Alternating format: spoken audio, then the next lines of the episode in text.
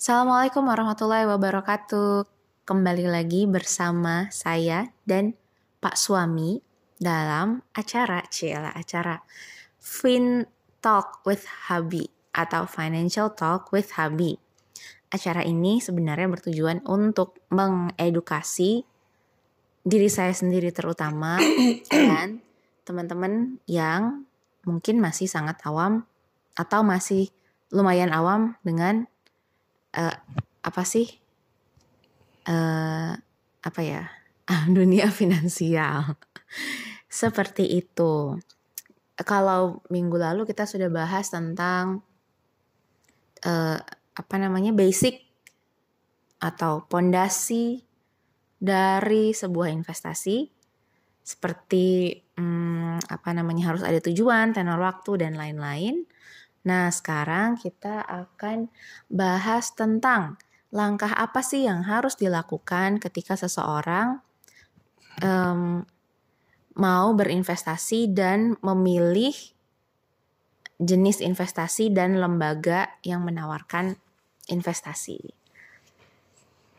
Gimana tuh Pak? Jadi apalagi kan sekarang banyak kasus nih penipuan nih, mulai dari kemarin ada yang tadi ada kampung kurma, Terus juga ada beberapa tahun yang lalu tuh ada Pandawa yang sempat juga akhirnya kasusnya kena ke apa Pandawa yang sampai koperasi hmm, apa uh, first travel kalau nggak salah juga ya Pak dananya ditaruh di Pandawa ya. Oh, Bukan oh, mungkin ya. ya. Uh, pernah dengar juga mungkin mungkin juga salah ya. Tolong ntar cari lagi apa info-infonya. Nah, itu kan ternyata ujung-ujungnya investasi bodong. Hmm. Jadi, mau bentuk investasinya syariah atau bentuk investasi apa pun kan sebenarnya kita juga harus tahu dong apa sih yang yang gimana cara taunya sebuah investasi itu bodong atau tidak bodong misalnya. Silahkan Pak. Ya terima kasih my lovely.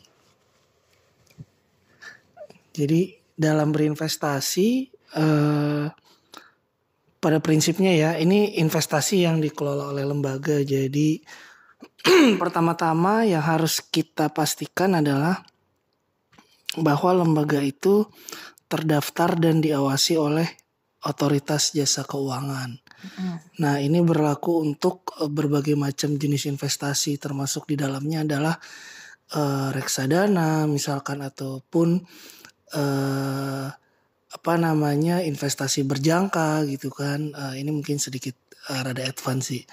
Ataupun investasi bisa jadi currency gitu kan ataupun uh, jenis investasi yang uh, berhubungan juga dengan uh, koperasi. Nah itu juga harus dicek tuh apakah dia terdaftar di Kementerian Koperasi karena tadi sempat menyinggung koperasi Pandawa gitu ya. Mm-hmm. Nah jadi apa namanya kalau minggu kemarin tuh kita sempat bahas mengenai basic investment gitu ya. Mm-hmm. Uh, maksudnya basic dalam hal menentukan investasi kan kita udah bahas mengenai horizonnya, terus kemudian uh, apa namanya uh, jumlah dana yang memang available dan balik lagi memang harus realistis itu kan setelah melewati tahapan tadi ya saatnya kita uh, memilih vehicle gitu ya atau kendaraan yang akan dipergunakan untuk uh, berinvestasi gitu loh untuk mengembangkan dana yang kita punya. Mm-hmm. Jadi uh, balik lagi tahap awal uh, itu yang harus dipastikan adalah bahwa uh, lembaga uh, atau wadah tempat kita berinvestasi itu memang sudah terdaftar dan diawasi oleh pihak-pihak uh, yang berwenang. Jadi harus dicek legalitas. Iya. Okay. Betul sekali. Kecuali kalau investasinya mata tangga ya. Ya kalau itu sih lain cerita deh ya. Itu anda yang lebih mengenal tetangga Anda seperti apa gitu kan atau misalkan investasi bersama teman-teman ya itu lain cerita. Terus kalau mungkin ada yang belum tahu OJK itu tugasnya apa sih memang emang kenapa sih harus disah atau harus legalitasnya harus disahkan sama OJK? Ya mungkin gini OJK itu kan otoritas jasa keuangan hmm. jadi Ojo, apa namanya OJK itu adalah uh, eh, self regulatory organization gitu kan yang memang di didirikan oleh uh, apa namanya DPR gitu kan uh, dan memang memiliki fungsi utama untuk mengawasi lembaga-lembaga investasi yang uh, menawarkan jasa investasinya kepada masyarakat. Jadi dengan lembaga tersebut telah dia di terdaftar oleh OJK dan dia secara otomatis juga akan diawasi baik secara reguler maupun secara uh, apa namanya uh, inspeksi lah ya gitu ya uh, oleh OJK sehingga uh, tingkat keamanannya tentu diharapkan akan jauh lebih uh, baik. Di sini kita bicara keamanan terkait dengan apakah dana kita aman atau bisa hilang ya. Beda halnya dengan dana kita berfluktuasi akibat pergerakan pasar. Ya, Kalau itu sih ada untung rugi itu biasa dalam dalam hmm, sebuah investasi ya. Tapi, tapi ini ketipu ya, betul. atau tidak atau ketipu. terjebak dalam money game misalnya ya. Ya seperti itu. Oke. Okay. Baik, uh, terus apalagi setelah setelah dicek legalitas, terus kan ragam kalau kita bicara ragam apa atau ragam instrumen investasi itu bentuk pembicaraannya sudah lebih dalam dan mungkin bisa jadi beberapa SKS gitu kalau dianggap kuliah ya. Hmm. Nah sekarang hmm, ada beberapa ragamnya misalnya deposito, ada reksadana, ada hmm. uh, apa uh, obligasi, ada obligasi syariah, ada apa apalagi saham dan dan banyak ragam investasi lainnya. Hmm. Nah, um, untuk mengetahui apakah atau yang mana sih yang cocok untuk kita dan mana yang tidak cocok, gimana tuh? Ya, uh, untuk mengetahui yang mana yang cocok dan tidak cocok bagi kita, memang uh, ujung-ujungnya itu balik ke risk appetite atau risk profile dari sang calon investor gitu hmm, ya. Apa itu? Profil risiko. Profil risiko apa bahasa gampangnya apa itu profil risiko? Profil risiko itu adalah tingkat risiko. Jadi gini, setiap investor itu wajib mengenali karakter uh, dia atau karakter yang bersangkutan dalam berinvestasi. Mengenali dirinya sendiri. Mengenali ya? dirinya ya? sendiri. Nah, uh, pada prinsipnya mungkin nanti akan ber, mungkin muncul pertanyaan gitu ya, bagaimana caranya saya bisa mengenali appetite atau profil ya. risiko saya gitu ya. Nah, biasanya itu di lembaga-lembaga investasi akan menyediakan semacam kuesioner gitu kan di mana kuesioner tersebut harus dijawab apa adanya oleh masing-masing investor uh, dan hasil dari jawabannya tersebut nanti akan menentukan tingkat scoring dari investor tersebut dan akan secara otomatis menggambarkan investor tersebut masuk dalam kategori risk profile yang mana gitu. Pada prinsipnya sih risk profile sendiri dibagi menjadi kurang lebih empat lah ya secara garis besar. Hmm. yaitu uh, konservatif gitu kan.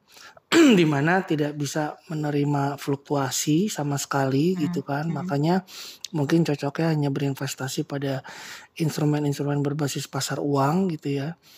Uh, kemudian oh, deposito ya. ya deposito gitu obligasi, gitu ya uh, enggak, enggak obligasi enggak uh, yang ada mungkin instrumen money market atau pasar uang. Jadi obligasi yang tenornya di bawah setahun mm-hmm. tapi bukan uh, obligasi pada umumnya.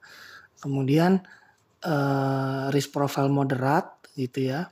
Uh, moderat ini sebenarnya dibagi dua antara moderat sama semi moderate gitu ya. Uh, kurang lebih ya pada prinsipnya masih dapat menerima apa namanya uh, menerima fluktuasi gitu ya walaupun tidak terlalu dalam. Nah mungkin ini bisa cocok masuk ke instrumen-instrumen obligasi korporasi gitu ya atau government bond yang bertenor pendek. Nah, itu kalau di reksadana biasanya pilihlah reksadana yang berbasis pendapatan tetap namun dengan tenor-tenor obligasi di dalamnya itu yang bertenor-tenor pendek, pendek atau di bawah lima tahun. Mm-hmm. Kemudian ada juga yang uh, moderate gitu ya, moderate atau semi agresif. Di sini bisa bisa masuk dalam kategori yang yang apa ya? Saling beririsan gitu ya walaupun berbeda tingkatan.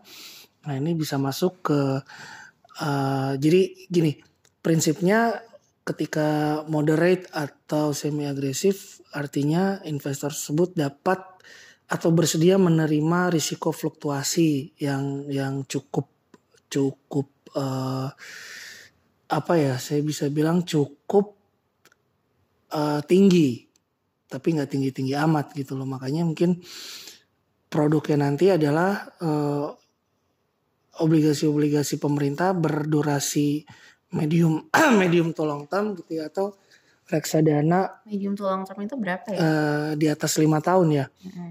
Jadi reksadana pendapatan tetap uh, berbasis instrumen apa namanya obligasi negara ataupun sukuk negara dengan tenor lima tahun dan ke atas gitu ya ataupun reksadana berbasis campuran. Jadi campuran ini ada juga unsur sahamnya gitu ya. Walaupun memang kebanyakan sih akan akan dititik beratkan oleh fund manager gitu ya atau pengelola investasi ke instrumen berbasis obligasi. Nah, yang terakhir adalah uh, risk profile yang bersifat agresif. Agresif itu artinya siap menerima risiko fluktuasi yang dalam gitu ya. Hmm. Sehingga memang investor ini cocok untuk berinvestasi pada instrumen-instrumen berbasis ekuitas atau berbasis saham gitu. Jadi di sini ya challenge saya memang potensi keuntungannya tinggi gitu ya bisa di atas 20%, 30% ketika market memang atau pasar mengalami kondisi yang uptrend gitu ya atau biasa disebut bullish tapi uh, vice versa gitu ya lawannya adalah ketika market mengalami tren yang tidak favorable sehingga bisa saja investasinya mengalami penurunan yang bahkan bisa menyentuh level 60% seperti yang pernah terjadi di siklus uh, resesi global seperti tahun 98 ataupun 2008 gitu. Nah biasanya nih kalau investor-investor agresif ini ketika terjadi penurunan mereka kecenderungannya uh, tidak melihat ini sebagai sebuah apa ya sebuah bahaya atau malah petaka gitu hmm. justru ini dijadikan sebagai momen untuk beli di saat diskon gitu hmm. atau di, uh, melakukan yang namanya dollar cost averaging atau Coba average down. tuh di dimanusiakan ya. Jadi mungkin simplinya gini, kalau kalau investor-investor agresif ketika apa namanya marketnya mengalami atau pasarnya atau nilai dari reksadana itu mengalami penurunan yang signifikan, justru ini bukan sebuah ketakutan. Tapi time to buy. Tapi ini adalah waktunya untuk memborong. Gitu. Ibaratnya kita nih melihat Big Sell Harbolnas tanggal 12 bulan 12. Okay. Dan ini memang kejadiannya tidak terjadi dalam kurun waktu 1-2 tahun, tapi itu merupakan sebuah siklus uh, siklus yang terjadi beberapa tahun sekali dan ya bisa dibilang nggak ada satupun orang yang bisa menebak dengan pasti kalau dia bisa menebak dengan pasti dia udah jadi pasti kaya raya dan nggak nggak akan pernah mengalami kerugian gitu loh masalahnya itu adalah sesuatu yang hanya bisa diprediksi kapan kejadiannya ya kita lihat perkembangan hmm. di pasar real pada ya pada saatnya nanti seperti itu. Oke, jadi kalau boleh saya bahasa manusiakan lagi ya. pada dasarnya yang namanya investasi kaitan antara investasi dan kepribadian itu tuh ada hubungannya ternyata ya. Ya, uh, uh, sorry faktornya juga selain selain kepribadian, hmm. jangan lupa juga balik lagi mengenai tenor investasi yang dibutuhkan untuk mencapai goals. Kalau tenornya pendek, pasti sangat tidak disejas walaupun orang tersebut agresif, mm-hmm. dia memilih saham.